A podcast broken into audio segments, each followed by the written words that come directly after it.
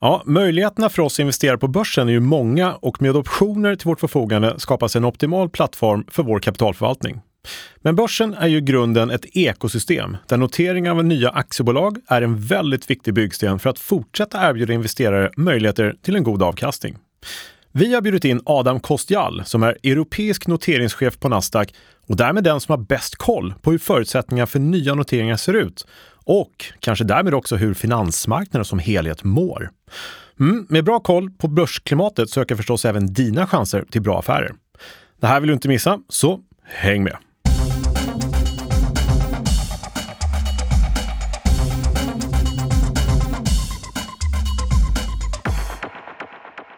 Ja, varmt välkommen tillbaka till Optionspodden. Podden ser kunskaper som ingen privat eller professionell investerare på börsen bör vara utan.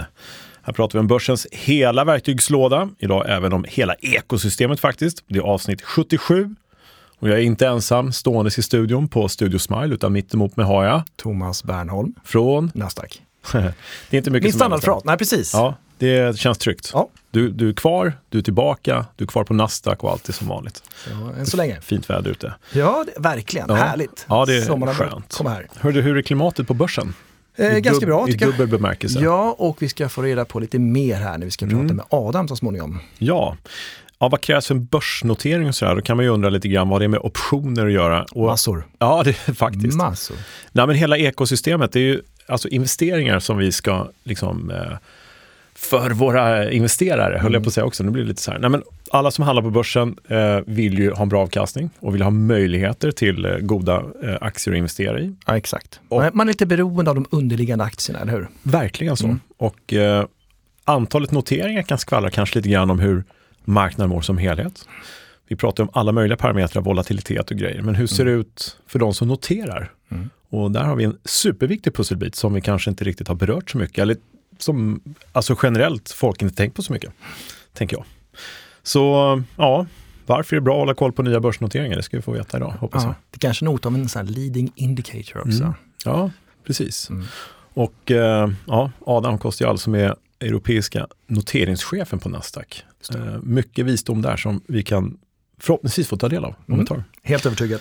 Eh, Du, vi har en eh, quiz också. En Har vi det? optionsquiz. Ja, men det har vi. Mm, Och där kan man mäta sig mot andra va? det kan man. Mm. Det är ju lite av en tävling. Ja. Man får svara på, jag tror det är sju frågor på tid. Och eh, då kan man vinna också en Nasdaq-t-shirt. Wow. Vad, hur ligger du till där? Hej, Ja, vad jobbigt det blev. Ja, jobbigt det Jag, blev. jag har provat det just Ja. när det var, prototypen var ute. ja. Så att, men jag har inte eh, spelat. Ja, precis. Ja. Ja. Men hur kommer man åt detta quiz? Optionsbloggen.se. Yes. Inga problem. Där är en länk ja, upplagd. Och det är bara att gå in och testa sig. Det är lite kul. Och ett hett tips, säg det inte till någon, men man kan köra flera gånger så får man Mhm. bättre resultat och då kan man eh, få en t-shirt. Ja, men det är kul. Testa Såklart. kunskaperna, Mm. möjlighet att vinna. Yes, Mm. eh, det om det. Men du, eh, apropå ekosystem och marknad, ska vi kolla bara direkt hur börsen går? Eller hur den mår? Hur det går. Ja, precis. Det gör vi. Ekosystemet, vi Ja. kollar. Ja. Ja, Kalle, hur är då läget på börsen? Ja, men börsen är fortsatt avvaktande, tror jag att de allra flesta skulle hålla med om om jag förklarar det så. Eh, nej, men jag, vi tittar på olika nivåer, om man tittar på alla index egentligen, S&P 500 eller eh, England, Frankfurt och vad vi har. Mm. Eh, vi kan titta på vår egen OMX SPI, alltså vårt huvudindex så att säga. Där ligger ju, det skvalpar kring 850-nivån som vi har pratat om tidigare. Det har du gjort. Eh, och det är lite likadant på övriga börser. Så att det är lite avvaktande. Det är en, ska vi säga, en kort gamma-marknad. Du vill gärna eh, vara kort premium just nu. Mm. Lite så. Med facit i hand ska jag säga. Mm. Så där är vi. Eh, det är, vissa tycker det är en stark marknad. Eh, men det är som alltid i det här läget att det finns någon som tror på eh, men en stark nedgång framöver eller någon som ser trigger för uppgång och du vet allt sånt där. Det är som vanligt. Det är bara vi som har svaren. eh, ja, och risken då. Vi kollar på risk. Eh, VIX-index är ju nere på 17,16 sista print jag såg här. Ganska lågt. Ja, men det är ju lågt och eh, det har varit en viss volatilitet faktiskt på VIX-index. Det har studsat upp lite sista veckorna här mellan eh, ja, men upp över en bit över 20, men det har inte stängt över 20. Men nästan varit så att 20-nivån har varit ett eh, litet motstånd rent Okej. tekniskt för de som gillar att titta så. Mm. Men eh, vi har hållit oss på väldigt behagliga risknivåer. Så att eh, inga som helst problem att ta risk i aktier eller i aktiemarknaden efter rapportperioder och allting. Så att det finns en klart positiv sentiment tanke hos många analytiker där. Okay. Så, Om eh, någonting har studsat så har väl en botten också? Vilka nivåer mm. pratar vi om där? Ja, men om du tänker 20-nivån som har varit eh, taket så att säga, mm. motståndet, så har det kanske varit 16-nivån som har varit liksom själva botten och det är ju väldigt låga nivåer. Just det. Eh, och det här är ju eh, 16-nivån, eh, då pratar vi ju 24 eh, månader tillbaka åtminstone. Okay innan vi såg de nivåerna ja. tidigare. Så att väldigt låga nivåer riskmässigt. Så att eh, en avvaktande börs och låg risk, det låter ju ganska bra. Mm. Om vi kastar oss över till SKU då, hur ser mm. det ut där? Då? Där är det väldigt intressant. Därför att det är en oro som stiger. Eh, vi har ju inprisat det mesta i marknaden, därav den kanske lite mer neutrala marknaden och att vi har en eh, låg risknivå. Eh, inflationen har vi koll på, det känns som att den ska liksom avta. Eh, ränteläget börjar vi få kontroll på. Händer inte så mycket i eh, liksom världspolitiska läget med eh, allt från Ukraina, Ryssland, Kina och allt det här.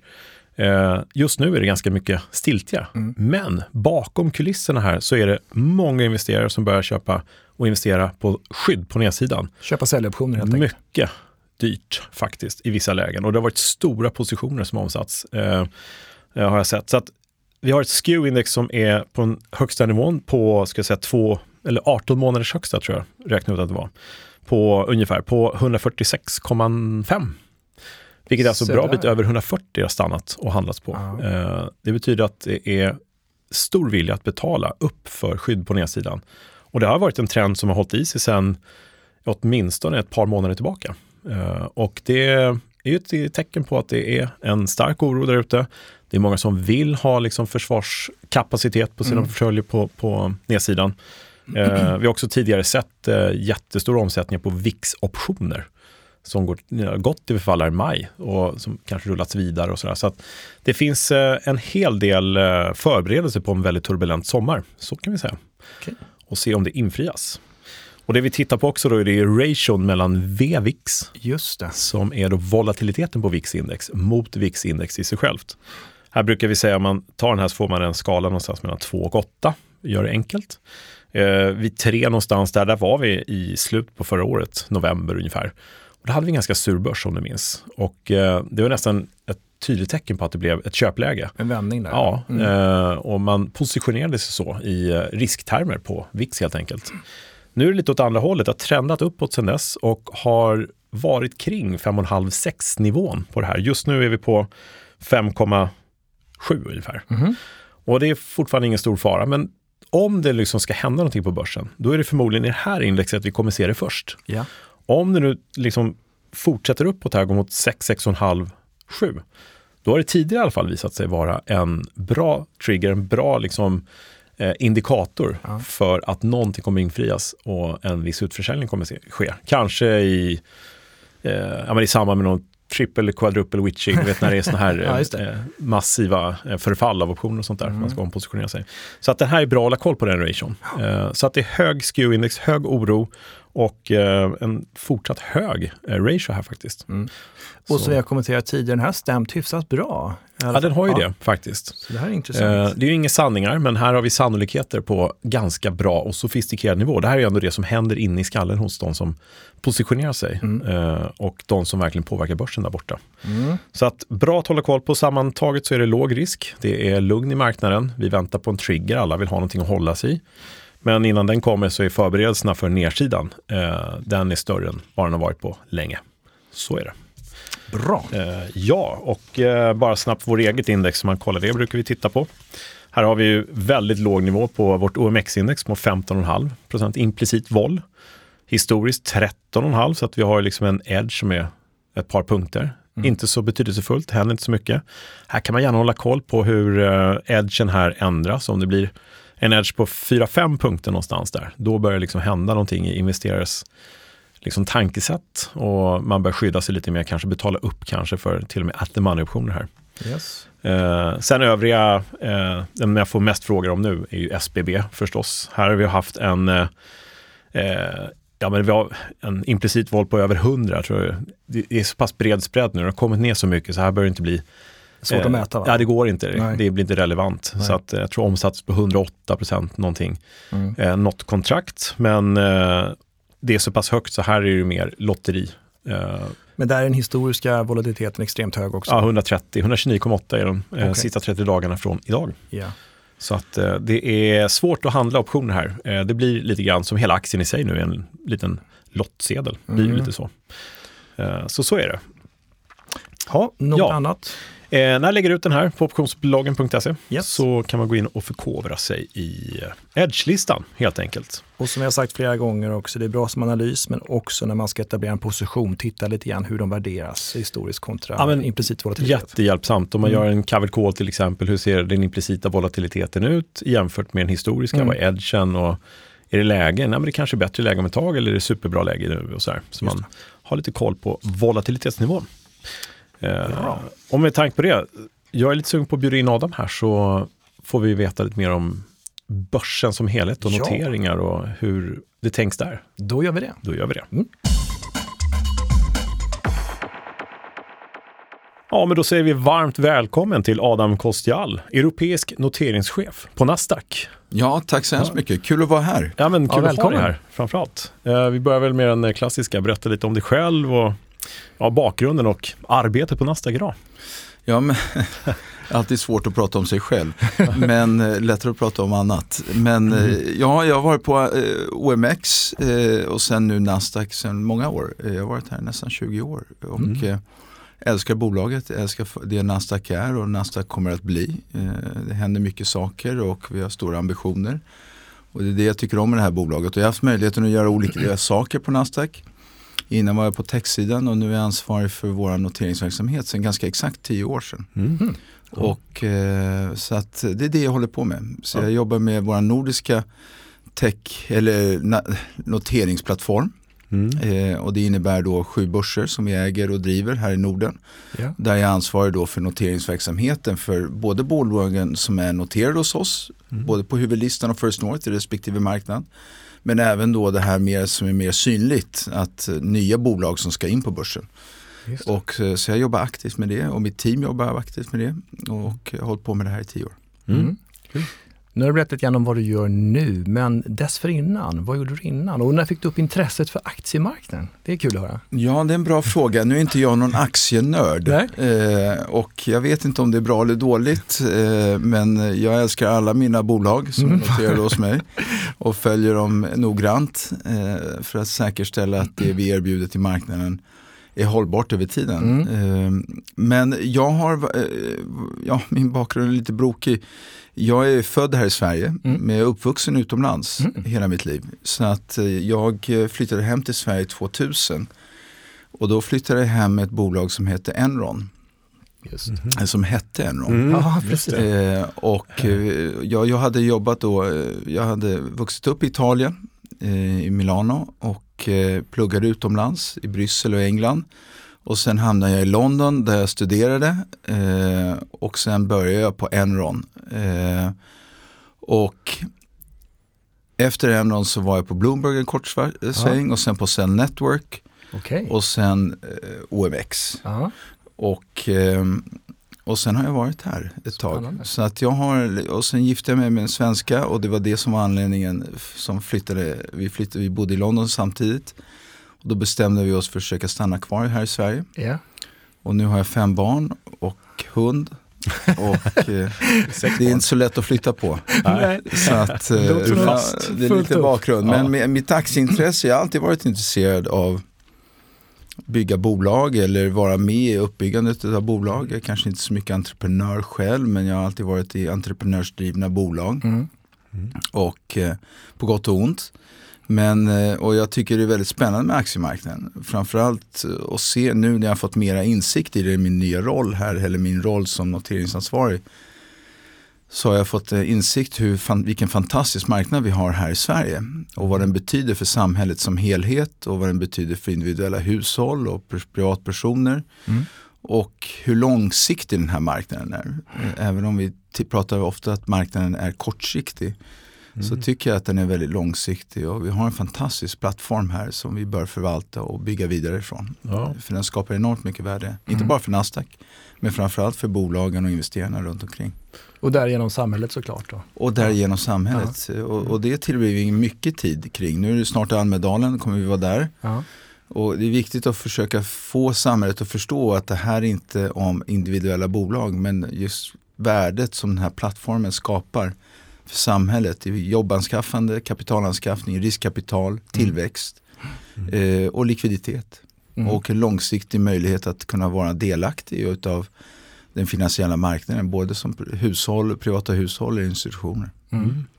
Är det här rent av en del av framgångsreceptet för Sverige som nation? Man ska säga. Det var ju många framgångsrika företag och en sån tradition och kultur genom decennier eller århundraden sagt. Så att, eh, det här med noteringar och aktiebolag, är det ja, kanske en förutsättning? Jag tror ju att det som man pratar för lite om här, det är att om man jämför med Tyskland, vi kommer kanske prata mer om noteringsmarknaden, men 2021 så hade vi ungefär 150 noteringar här bara i Stockholm. Mm. Och det var ett rekordår globalt sett. Eh, vi hade 700 på Nasdaq i USA. Men då hade man 20 i, Stock i, i Frankfurt. Mm. Då kan man ju diskutera, det är ju ett land med 80 miljoner människor. Eh, varför noterar de bara 20 bolag ett, ett år när det är ett rekordår? Mm. Och eh, jag tror att problemet som vi har nu är att vi har fler och fler generationer som lever längre. Det är många som är inne i pensionssystemet och det här pensionssystemet ska stötta fler generationer samtidigt än vad det var kanske ursprungligen tänkt. Och om du inte tillåter pensionssystemet att vara i aktiemarknaden då är du inte med och skapar tillväxt. Och det är det vi tillåter här i Sverige mm. med att privatpersoner och hushåll kan vara exponerade mot aktiemarknaden och skapa sitt eget värde över tiden. För att om du förlitar dig bara på att staten ska göra det och bara i låneinstrument Mm. Ja, då är du inte med i den kontinuerliga tillväxtresan som långsiktigt aktiemarknaden skapar. Mm. Sen är det ju alltid stökiga tider men långsiktigt så har vi ju sett hur ränta på ränta och ja. det långsiktiga värdet. Så därför tror jag att det vi har här är ganska unikt mm. och är enormt viktigt att vi fortsätter investera och förvalta för att säkerställa att det inte bara att vi förlitar oss på staten, på pensioner men mm. att folk kan styra sin egen framtid. Ja, väldigt spännande med eh, liksom, din roll på börsen, på Nasdaq, som att notera nya bolag, IPOs. Eh, men i den, den, rollen du har, hur ser en arbetsdag ut för dig? Eh, koll på marknaden och... Ja, det var lättare att, att, att prata om det tidigare när vi ringde. Hade, en dag hade vi fem bolag som ringde samtidigt. Okay. Eh, och då kunde man ju lättare peka på att eh, titta, ännu ett bolag som noterar sig. Ja. Det är så mm. enkelt att förklara vad jag gör. Mm. Nej men det är mer utmanande nu. Men det vi gör, eh, det är väl egentligen eh, två, delar utav vår, eh, två eller tre delar av vår verksamhet som jag lägger fokus på. Den ena är hur förbättrar vi vår plattform och där jobbar vi inte bara inom mitt team men med Nasdaq som helhet. Mm. Och vi kan prata lite om mindre likvida instrument och så vidare, och auktionshandel som vi lanserade precis. Men försöka utveckla och utveckla den här plattformen så vi inte bara tar den för givet. Mm. Eh, för att säkerställa att den plattformen i sig blir en bra plattform för fortsatta tillväxten av bolagen som är noterade hos oss. Mm. Sen fortsätter vi väldigt mycket kring, eh, eh, lägger väldigt mycket fokus kring att prata med nuvarande ägare entreprenörer och institutionella ägare och rådgivare för att säkerställa att vi förstår vad är det vi kan göra för att utveckla vår plattform för att göra rele mer relevant och attraktiv nu när marknaden börjar kanske komma igång igen. Mm. När, och då menar jag att inflation, vi börjar förstå vad inflationen är på väg, vad räntan är på väg. Och då börjar man kunna sätta priser igen. Mm. Och när vi börjar sätta priser då kommer man börja se noteringar igen också. Mm. Så att vi är där ute och pratar och diskuterar kring det här. Och sen de andra tre, det andra området som vi håller på med det är ju generellt sett att säkerställa att samhället förstår vikten av plattformen. Att det här är inte bara när konjunkturen är hög eller låg. Eh, men mm. att den är fortfarande relevant. För vi har enormt många bolag som har lyckats ta in nytt kapital i svåra tider. Vilket de hade haft väldigt svårt att göra om de inte hade varit noterade. Mm. Även om de gör det till lägre värdering så har de kunnat ta in kapital för att stärka sig inför nästa skede. Mm. Så det finns att göra. Ja, just det. Och det får vara nyemissioner och så? Nyemissioner mm. och kapitalanskaffningar. Mm. Och det är inte bara, vi har ju även vår lånesida med obligationssidan. Ja, men framförallt så har vi sett enormt många nyemissioner nu och, och mm. det har ju varit väldigt effektivt för bolagen att kunna ta in kapital i de här svåra tiderna. Mm. Mm. Vad ställs för krav för eh, ett bolag idag, alltså grundläggande för att bli börsnoterat? Ja men det där är en intressant fråga för att vi ofta i media så ifrågasätter man varför vi noterade ett bolag mm. eller ett specifikt bolag eller några specifika bolag. Och vi är ju marknadsplats och vi vill säkerställa att investeraren kan möta entreprenören eller ägaren till ett bolag på ett tryggt och säkert och förutsägbart sätt. Mm. Och det är våran roll. Och så att våran fokus när det gäller kraven är att säkerställa att bolagen har tillräckligt mycket förutsättningar för bra likviditet. Mm. Vi tittar mycket på strukturen och hur de är skötta eh, och deras sätt att kunna hantera dialogen med investerare. Det är väl egentligen de här tre huvudområden som vi tittar på. Mm. Sen tittar vi på några kommersiellt inriktade områden i form av hur mycket kapital har de. De måste ha 12 månaders rörelsekapital. Eh, och vi tittar väldigt mycket på internkontroll och, och att de har IFRS på plats om de ska till huvudlistan eller First North Premier. Så vi tittar på de där parametrarna. Mm. Sen när vi känner att de har de här parametrarna, då tycker vi att de har rätt förutsättningar att börja dialogen mellan investerare mm. och den här ägaren i form av vill investeraren investera i det här bolaget mm. och vill den här eh, ägaren sälja till den här investeraren. Det är ju IPO eller noteringsskedet. Sen ja. är det öppen handel så kontrollerar ju inte Nej. vad heter det, bolaget så mycket. Det är det perspektivet. Men det, det, här vi, det är våran roll. Sen om ett bolag går bra eller inte eller att om det var en, blev en bra investering eller inte. Det är upp till investeraren att bestämma. Mm. Eh, om de vill investera i det här bolaget vid det skedet. Det är inte vårt ansvar. Nej. Och, och, och, det där blandas ihop lite i media tycker jag, allt för ofta. Mm. Att vi borde ha ett ansvar. Men vi ska inte ha ett kommersiellt vi ska inte göra en kommersiell bedömning på förutsättningar för det här bolaget att utvecklas Nej. sin affär. Mm. Vi ska göra en bedömning på att de har rätt struktur på plats. Ja, jag kunde jag komma ihåg när vi satt på eh, optionsdesken för snart 30 år sedan. Folk som ringde och var arga på oss för att börsen gick ner. Ja. Och det, det är på riktigt och det hände titt som Ringde de när det gick upp också för att berätta hur glada de var? Tackade så mycket. Nej, det gjorde de aldrig. Nej. Nej, men jag förstår ju dilemmat att det är mycket ja. Det är mycket perception. Ja, eh, och jag tror man blandar ihop koncepten. Mm. Eh, och lite som att när jag ska handla någonting på Blocket så vill jag känna att det är en trygg marknadsplats. Mm. Istället för att jag bara ringer upp någon och vill göra en transaktion så. Mm, det. det. är lite våran roll. Mm. Kanske kanske förenklat. Eh, ja. att jag vet, men viktig. Ja, viktig. Mm. Och, eh, det är viktigt att vi förtydligar den i dessa svåra tider. Mm. Inte för att gömma oss, men för att göra tydligt vad, vad, är, vad är vår roll. Och jag tror att nu är det mindre brus kring den här frågan. Mm. För nu har alla insett att marknaden är global. Mm. Eh, att ja. det här är ett skede i marknaden på global nivå som är väldigt osäker och oförutsägbar. Och då är det lättare att ta till sig att bolagen går sämre. Men det är i det här skedet oftast när det börjar tilta och det börjar hända saker där man börjar mm. skylla mm. och eh, titta runt och säga vems fel är det? Ja. Och jag tänker på antal noteringar vi var inne på tidigare. Ja. Eh, Sverige, om man säger lilla Sverige i ja. den stora världen och Europa. Det har gått ganska bra i förhållande till antalet nynoteringar de sista åren, vet jag. Absolut, och, och, styrkan i det är att vi noterar små till mellanstora bolag. Eh, om du tittar globalt sett, Volvo Cars, om jag tar det som ett mm. exempel, hade nog kunnat notera sig på vilken marknadsplats som helst. Mm. Man hade kanske ifrågasatt varför de noterar sig i Frankfurt eller London men, och inte i Stockholm. Men de hade i princip kunnat notera sig var som helst. För det är så pass stor kapitalanskaffning. Och de internationella rådgivarna som var involverade hade kunnat placera den, den aktien i princip var som helst. Mm. Men så att det är inte svårt eller lika svårt att göra en större notering. Den är känslig på andra sätt, värderingar och eh, etc. För att eh, som vi brukar jämföra i en skog när det stormar så är det alltid lugnast där nere. Medan ja. där på toppen så vajar det ganska mycket. Ja. Och Volvo Cars värdering är alltid svår att, att, att sätta, eller ett mm. större bolag, ja. ett tillväxtbolag. Men vår styrka bygger på att vi kan notera de här små till mellanstora bolagen. Och det betyder att vi kan ta in mindre bolag till börsen mm. med mindre kapitalanskaffningar men fortfarande väl förankrade med institutionella ägare eller eh, hushåll, retail, eh, mm. individuella spar, sparare. Mm. Och det andra, eller investerare, och sen med respektive alltså, rådgivare som är aktiva även med större kapitalanskaffningar. Ja. Så det är vår styrka och det har gjort att vi genom åren har kunnat notera betydligt flera bolag än vad till exempel Frankfurt eller London eller många mm. andra marknadsplatser. Så Stockholm har varit sista åren den mest aktiva marknadsplatsen gällande noteringar i Europa. Fler möjligheter till våra investerare på marknaden. Absolut, för att man glömmer att det är väldigt många som är besvikna att de inte fick vara med just i själva noteringen. Mm.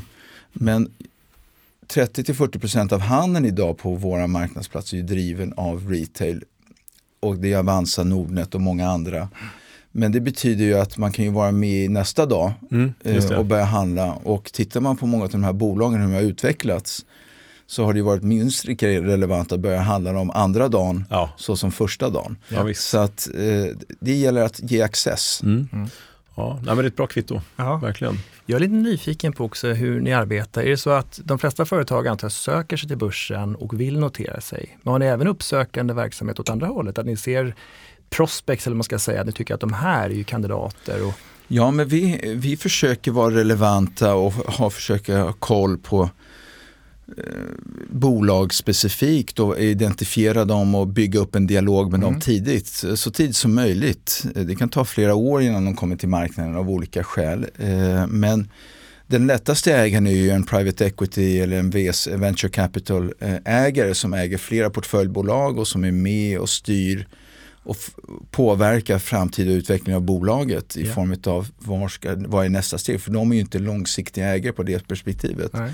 Så de är de enklaste och då försöker vi ha en dialog med dem gällande deras portföljbolag och så vidare. Sen försöker vi kontakta individuella bolag. Eh, och det kan vara allting från Volvo Cars då, eller Polestar eller så vidare. Och där försöker vi engagera oss så mycket som möjligt för att säkerställa att de har allt de behöver Mm. i form av vem ska de prata med, eh, de verktygen som, på, som kan behövas i samband med att man noterar sig och försöka vara aktiva och proaktiva. Vissa behöver det, vissa behöver det inte Mm. och vissa gör vi en skillnad, vissa gör vi inte en skillnad. Men vi försöker alltid säkerställa att vi har haft en dialog. Sen har de ett formellt uppstartsmöte med oss när de börjar processen. Eh, och då är det liksom för den formella processen igång. Men ofta så har vi haft en ganska långsiktig dialog innan. Ja, Mm. det låter logiskt. Har räntan och inflationen påverkat mycket nu? Då? Väldigt mycket. Ja.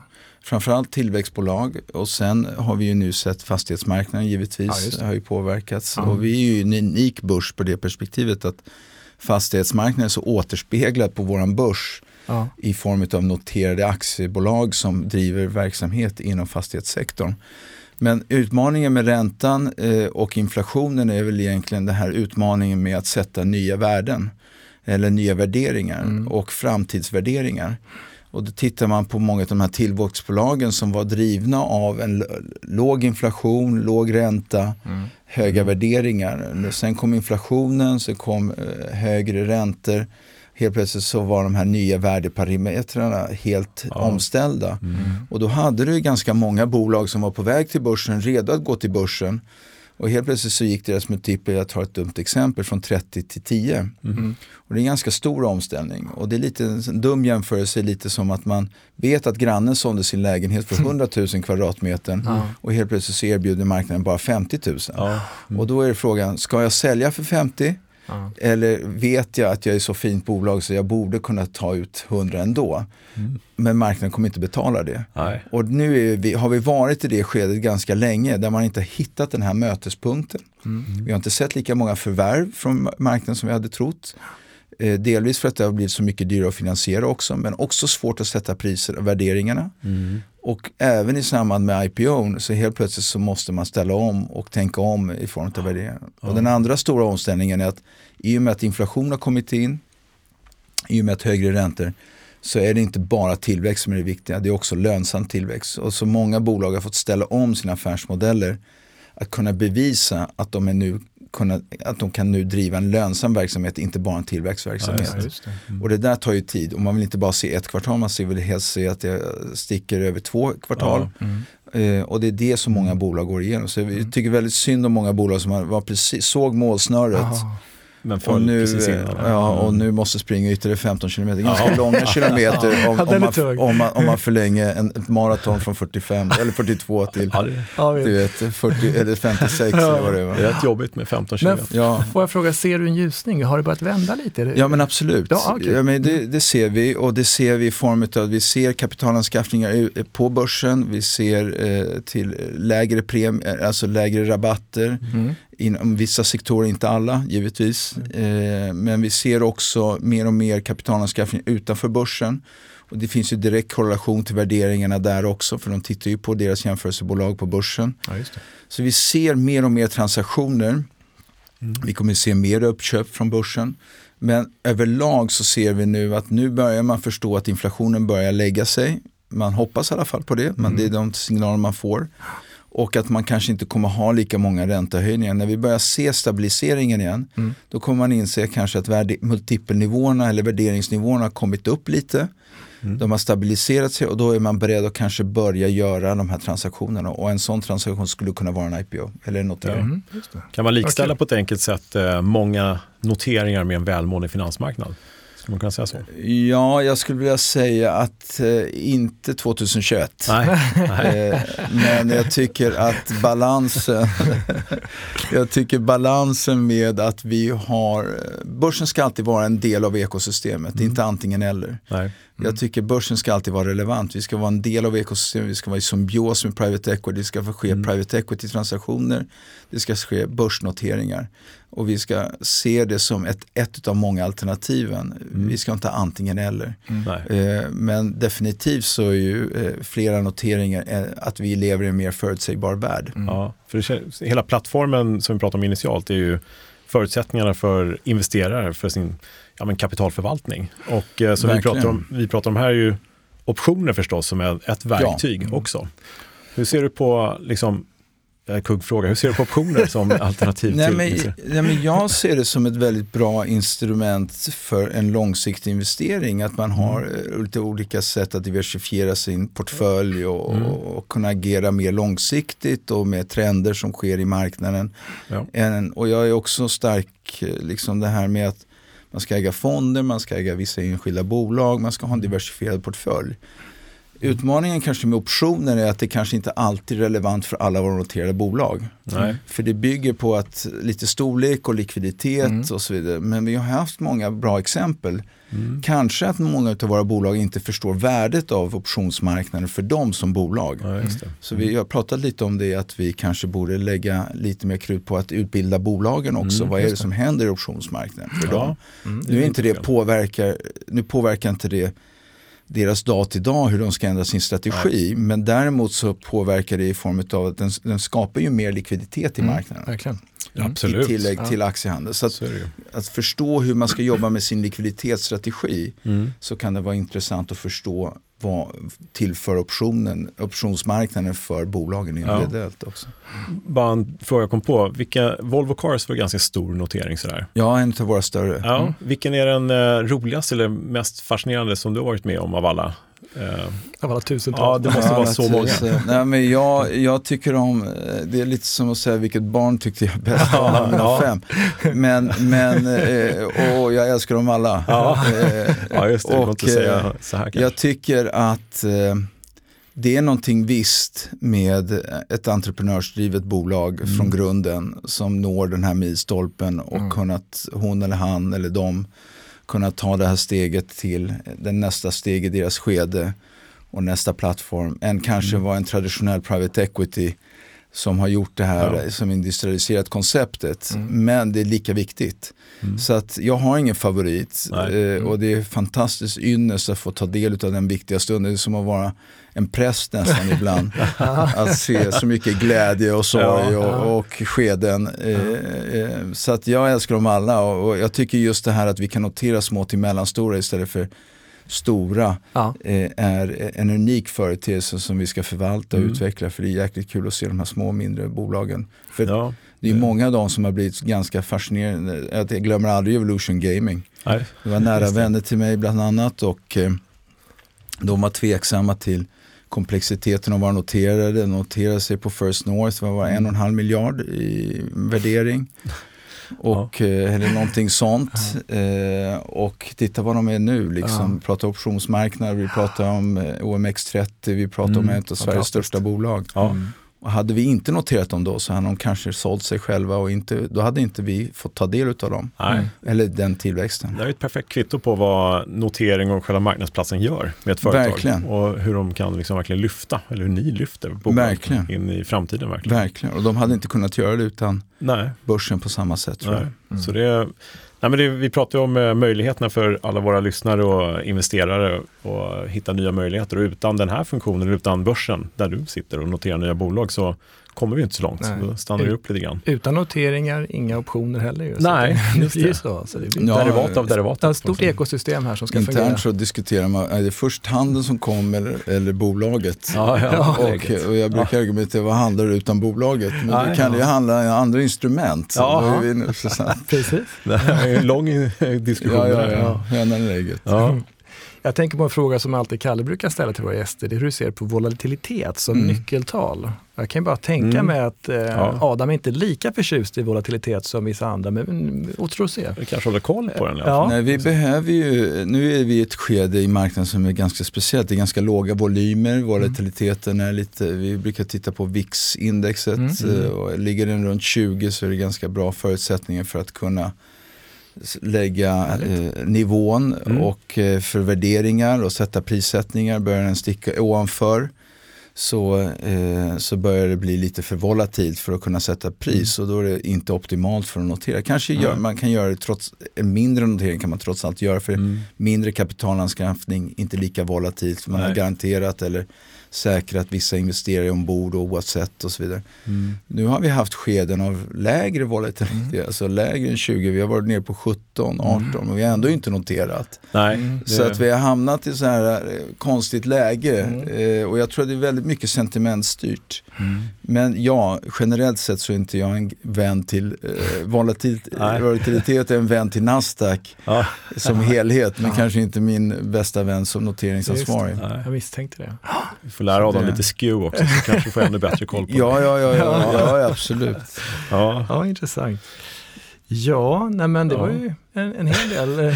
Ja, nej men, eh, du har varit med så länge också. Eh, måste bara få om någon minnesvärd händelse brukar jag fråga. Alltså utöver alltså i marknaden, någonting som har påverkat eh, liksom, ditt område någonting. Pandemin till exempel eller någonting sånt där som Ja, har... men pandemin var ju eh, ett, eh, det kommer säkert vara liksom en, en, en epok som jag har svårt att se hur det skulle kunna återuppstå på samma dynamik. Jag tror världen skulle reagera på ett annat sätt än vad vi gjorde då. Mm. Det var ju lite av ett, liksom, ett experiment eh, i form av vad som var rätt väg och många Mm. länder valde olika vägar. Och, eh, men nu men när vi har ungefär resultatet i hand så skulle jag vilja säga att pandemin är kanske den tiden eller som påverkade min affärsområde mest. Vi trodde ju eh, över natt där att nu var det över Ja. Mm. och till skillnad Ja. Från över så blev det det mest aktiva året genom tiderna. Ja. Och hade någon bett, sagt mig betta på det här Adam, då hade jag tappat pengar. Eller förlorat pengar. Så att, eh, Du var nog inte ensam där tror jag. nej, Nej. eh, och, det, och marknaden har ju alltid rätt. Så den dök ju ner och sen kom tillbaka med råge. Ja, snabbt. Eh, så ur det perspektivet så tycker jag att eh, den tiden kommer jag inte glömma. Nej. Eh, jag kommer inte heller glömma eh, 2012 när rubriken var när jag började, eh, 2012-2013 där. Att då var rubriken på DI, eh, börsen är död, Läng, länge lever private equity. Okej. Och jag Ja, tror att vi har tendens att vara lite kortsiktiga. Media är också tycker om stora rubriker. Ja. Eh, men det var ju faktiskt en lång tid bakom eh, där eh, flesta rådgivare och pensionsinvesterare, institutionella investerare hade stöttat private equity. För att börsen var inte lika förutsägbar och aktiv. Mm. Mm. Jag hoppas inte vi kommer tillbaka till det skedet. Jag hoppas att vi eh, har nu förstått värdet av att, sätt, att ha det här ekosystemet levande. Mm. Mm. Och att det är viktigt inte bara för Nasdaq men för ekosystemet i sin helhet. Så att Mm. vi har en väldigt bra dialog med marknaden och vi måste fortsätta utveckla den oavsett om det är tuffa tider eller Ja. inte. Det låter klokt. Så de två tiderna eh, glömmer jag nog inte i första hand. Nej. Under den tiden, körde ni IPOs då digitalt och så? Eller ja, jag tycker synd om många bolag eh, som hade sett framför sig att de skulle vara där och ringa den fysiska Ja, klockan. precis. Det kunde inte tillåta, men däremot så blev det en mer inkluderande värld än vad den var tidigare. För tidigare så var det väldigt ofta att det var ett litet gäng som kom och sen skulle de fira efteråt. Nu kunde alla delta Ja. i, i den specifika stunden. Så att nu, är, nu har vi byggt upp en studio där man kan då både ha ett litet gäng hos oss och samtidigt Mm. så kan du involvera alla kontor globalt. Ja. Eh, så på sätt och vis så har vi ju lärt oss och utvecklat det och blivit mer inkluderande. Men eh, det var ett, en period där vi eh, var, var tvungna att inte kunna agera. Eh, och som tur är så är det inte så. Det är ju fantastiskt att få träffa människor, framförallt i en sån stund. Tänk, tänk att gifta sig över Zoom, det hade varit ganska tråkigt. Nej, nej, jag hoppas inte kommer tillbaka till det. Ja, vi ska väl eh, runda av lite grann. Ja. Jag brukar ju alltid fråga alla gäster vad du tror om börsen närmaste halvåret, men det får ni på Nasdaq inte uttala er om. Jag försöker fråga Thomas det. Ja. Men hur tror du eh, börsen går närmsta halvåret? Nej, men jag, jag, jag, jag är en evig optimist. Mm. Nu är vi ju väldigt oroliga för någon slags recession eh, eller lågkonjunktur som kommer. Mm. Eh, eller inte kommer. Ja. Och, och jag tror att det som är mest lärorikt det här året har varit att eh, det är många jag träffat som har sagt, ja men här har vi varit förut. Jag tycker inte vi har varit här förut. det är så många nya parametrar Mm. som påverkar marknaden. Helt plötsligt så har vi AI som driver Ja. marknaden och den tillväxten. Ja. Eh, vi har ju så många olika faktorer. Världen är global men samtidigt så har du olika förutsättningar, olika marknader i form av hur de ska hantera nästa kommande 12 månader. USA kanske inte är lika utsatt för kriget, de har ett annat Nej. lånesystem, Mm. eh, inte samma energikris. Nej. Det är så många olika parametrar. Så jag är övergripande optimist. Eh, jag tror att vi kommer se fortsatt mer, mer tilltro till börsen Mm. på kanske lägre nivåer. Men eh, jag hoppas att vi inte skyndar tillbaka till någonting här nu. Nej. Men att vi bygger det steg för steg och att vi hittar en mer hållbar miljö innan vi kan sen börja vara mer aggressiva i vår tilltro och ta mer risk. Toppen. Så att eh, jag är positiv. Ja, håller ekosystemet igång och levande. Ja. Ja. Nej, men toppen. Adam Kostial, stort tack för att du kom till Optionspodden. Ja men stort tack. Och när, Tack vi, eh, när det är läge att börsnotera Optionspodden återkommer vi till dig. Det är bara att komma och eh, det är hårda krav men det är väl värt Ja. det. Så att, eh, Det ska vi nog att ringa fixa. i klockan. Stort tack för att du kom. Tack själv. Tack, Tack. så mycket. Ja, det där var ju superintressant att lyssna till Adam. Ja, men vad viktigt det kan vara att få information om hur eh, noteringschefen, Mm. europeiska noteringschefen tänker kring nynoteringar och vad som krävs för det och hela ekosystemet faktiskt som egentligen det som är vi, vi är beroende av allihop. Verkligen. Så att det är ju kul att kunna bidra med de kunskaperna här. Mycket allmänbildande podden. också. Ja, men det är ju det. Så att, eh, ja, jättekul att höra. Jaha, från Adam till frågor kanske? Ja, eh, det kom in frågor, det gör det. Det gör det? Ja. Tack för alla frågor. Eh, fortsätt skicka in frågor. Alla frågor eh, läses. Vi hinner inte svara på riktigt alla. Vi gör vårt bästa. Eh, vi har tagit med några stycken. Magnus frågar till exempel så här. Är det sämre omsättning i optionsmarknaden under sommaren? Det här är inte en helt ovanlig eh, tankebana ska jag säga. Alltså att man tror att börsen under sommaren går ner i en sorts dvala. Eh, vad svarar du på det? Jag säger nej, inte nödvändigtvis. Jag skulle kanske säga, håller med om det också, men däremot så finns det en hel del som har semesterledigt, en Mm. hel del market makers och eh, propphandlare som man säger, de som handlar eget lager och sådär. Ja. De kanske inte kan slita sig från skärmen i och för sig, men jag skulle säga att det kan gå ner lite grann. Kvotering och sånt på skärm Mm. kan vara lite sämre. Går ner i tempo menar du? Alltså, Ja, alltså, att börsen går ner? Nej, inte gå Nej. ner, utan snarare att det kanske inte är lika likvitt i vissa instrument, inte Nej. riktigt samma handel, men det är inte givet. Det kan ju Nej. hända någonting, man vill handla jättemycket och då står de andra market makers för den stora handeln och så vidare. Så Ja, man måste säga, alltså händer någon, någonting som påverkar börsen, då hoppar ju alla in. Och då, det, Mm. men det, det är som brandmän, då, pang, sitt, ja, men det är lite så, då, då ska det handlas. Ja, Så att nej, det behöver inte vara sämre omsättning, men allt annat lika så blir det lugnare, Ja. kan man väl säga. jo men visst. Så kan det vara. Eh, Sandra frågar så här, kan man räkna med fortsatt lägre volatilitet innan hösten sätter fart? Det är lite hand i handske med den frågan i och för sig. Mm. Eh, nej, kan man inte räkna med. Det är ingenting att ta position på skulle jag säga. Nej. Det kan ju hända någonting under sommaren. Och även om likviditeten kanske, eller tempot i handeln går ner så är det väl kanske inte riktigt säkert heller. Nej men precis. Sen gör man lite research eh, under lång tid tillbaka, då kan man säkerligen se ett mönster och så där. Mm. Det kanske är lite lugnare. Förr om åren kanske var lite lugnare framförallt, för Ja. att alla satt uppkopplade och sådär. Så, men, men eh, nu ska jag hålla med dig där, det är, vad som helst ska hända. Ja, men det är verkligen så. Det är Ja. viktigt att säga det. Det är väldigt oberäkneligt eh, på börsen. Det kan hända vad som helst i världen inom en timme som gör Mm. att allting förändras. Exakt. Nu är inte det kanske helt sannolikt. Om man säger allt annat lika, om det blir lugnt och stilla som det är idag i ett år till, ja men då kommer det inte hända så mycket som sagt då. Men eh, förutom att det kommer vara lite omplaceringar kanske som sätter lite fart på börsen då och då. Ja. Men ingenting att handla på ska vi säga. Vi ska inte uppmuntra någon att, att spekulera i lägre volatilitet här fram till augusti-september. Det är inte säkert bett. Nej. Nej. Eh, Jens har frågat också, när kommer nästa event på Nasdaq med optionsutbildning? Det här kan jag säga en återkommande fråga Ja. och kanske en av topp tre återkommande frågor. Och Jag skickar den rätt du över till dig. mig. Ja, ja, ja, du, du du, blänger nästan lite på mig. ja, nu, Ja, Jag skulle nästan kunna säga att jag också jobbar på Nasdaq på något sätt, Ja. men du är ju ändå Mr Nasdaq här.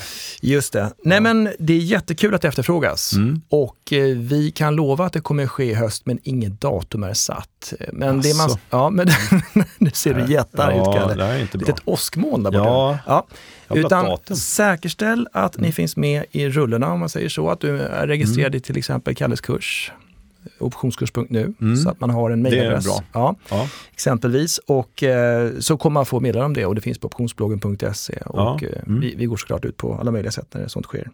Men det är roligt att efterfrågas och vi kommer Ja. köra det. Det, det är nästan lite så att jag släpat efter pandemin. Det var typ ett år sedan som det började bli så här att det var okej. Ja, Eh. dels det, absolut. Men sen också, som vi har pratat om tidigare, så har vi satsat ganska mycket på digital utbildning. Mm. Alla resurser har gått åt det helt Mm. enkelt. Det har varit lite events, har varit i Hörsalen som vi haft, alltså Ja. för vissa olika bolag och sådär, eller Just det. Firmor. Så att det har ju hänt lite saker. Det har varit mycket event, Mm. men lite mer, jag ska inte säga slutna, men det kanske man gjorde någonting med Aktiespararen eller Unga Aktiesparare Ja, exakt, eller en sådär. bank eller Ja. sånt där. Ja. Det har varit eh, riktat så. ja, men precis. Men vi återkommer i frågan då. Ja, Lovar du det? ja Bra. jag lovar. Bra, då har du lovat det. Sen eh, Dagens Ordspråk står att Thomas Bernholm har eh, bidragit med. Vem är det? Ja, Lustigkurre. Ja, nej men det här var ett, eh, ett, ett ordspråk som jag såg för ganska många år sedan Mm. bara. Så jag kom på det med en liten händelse här. Och eh, du skall vårda det träd i vars skugga du sitter. Mm. Jag har inte sett någon som har myntat eller Ja, men lite grann som vi pratade med Adam. Mm. Man ska vårda aktiemarknaden Mm. och eh, skörda frukterna och vi är beroende av de aktierna, noterade aktier för att kunna handla optioner. Så att, Ja, just det. Avdelning utan aktier, ingen optionshandel. Den avdelningen, precis. Aktieoptionshandel. Ja, Ja, men eh, poetiskt, eh, bra. Vad va, vad duktig du är. att jag kommer ihåg det. Ja. ja det var lite lagom långt sådär. För, Ja, men väldigt bra. Vårda det träd i vars skuggor sitter. Ja. mm, det gäller ju så mycket här i livet förstås. ja, det gör ju det. Ja. Men vi gillar ju att tänka lite så. Inte minst du som tränar mycket och sådär va? Vårda just kroppen. det. Och, Mm, ja, det är Mm. viktigt. Är det. mm. Därför står upp och poddar, kan vi meddela om ingen har reflekterat över det. Det är Sitter stränga order från dig. Ja, det jag vill ju sitta med det. Nej, det får du inte. Nej, det står jag 90 vet. grader och poddar hela tiden. ja, nej, men vi ska avsluta. Vi ska inte uh, wastea tiden för mycket. Nej. Bara lyssna på massa dynga. Men, Men, men, ehm, vi repeterar, glöm inte quizet vi pratade om inledningsvis. Ja, just det. Optionsbloggen.se, gå in och Ja. kolla på quizet eh, och testa Ja. kunskaperna. Vinn en t-shirt. det låter som att det är så här lilla sportspegeln någonting. Mm. Annars eh, Optionspodden för eh, tidigare avsnitt. Eh, vi har ju också en Facebookgrupp som heter Optionshandel på börsen som är knuten till Kursportalen. Eh, vissa som har frågat efter den, vad var det? Den heter alltså Optionshandel på börsen. Facebookgrupp, där kan man bara anmäla sig helt fritt fram och så får man vara med i diskussioner om optionshandel och massa idéer. Och Mm. Quizet kan vi lägga ut där också. förresten. Sen Eh. optionskurs.nu har vi Ja, nämnt. det var ju den ja, som Ja. var knuten till Facebookgruppen. Yes. Och så har vi ju nasdaq.com derivatives academy. Mm. Mer professionella kurser, kurser och så. Mm. Ja, Twitter, att se Björkegren. Det är bara att kontakta mig där, Mm. enklast. Optionsplay.se, Ja, bra verktyg. vad har vi mer? Ica.se om man vill handla mat. Nu gör du reklam. Ja, jäklar, det gör jag. Ja, verkligen. Shit, det var inte Externa, planerat. nej. Måste vi säga att det var inte sponsrat. Ja, precis. Nej. Inte sponsrat. Men eh, det är om det. Då har vi sålt det vi kan och vi har delgivit lite information även Ja. idag. Och fått eh, intressant insikt här från Ja. Adam och så vidare. Det har vi fått. Ja. Eh, men vi ses om ett par veckor igen innan vi Yes. tar lite sommaruppehåll va? Då ser jag fram emot det. Ja. Tack för idag. Tack alla. Ha det ja, fint. Tack, tack. hej. hej. hej.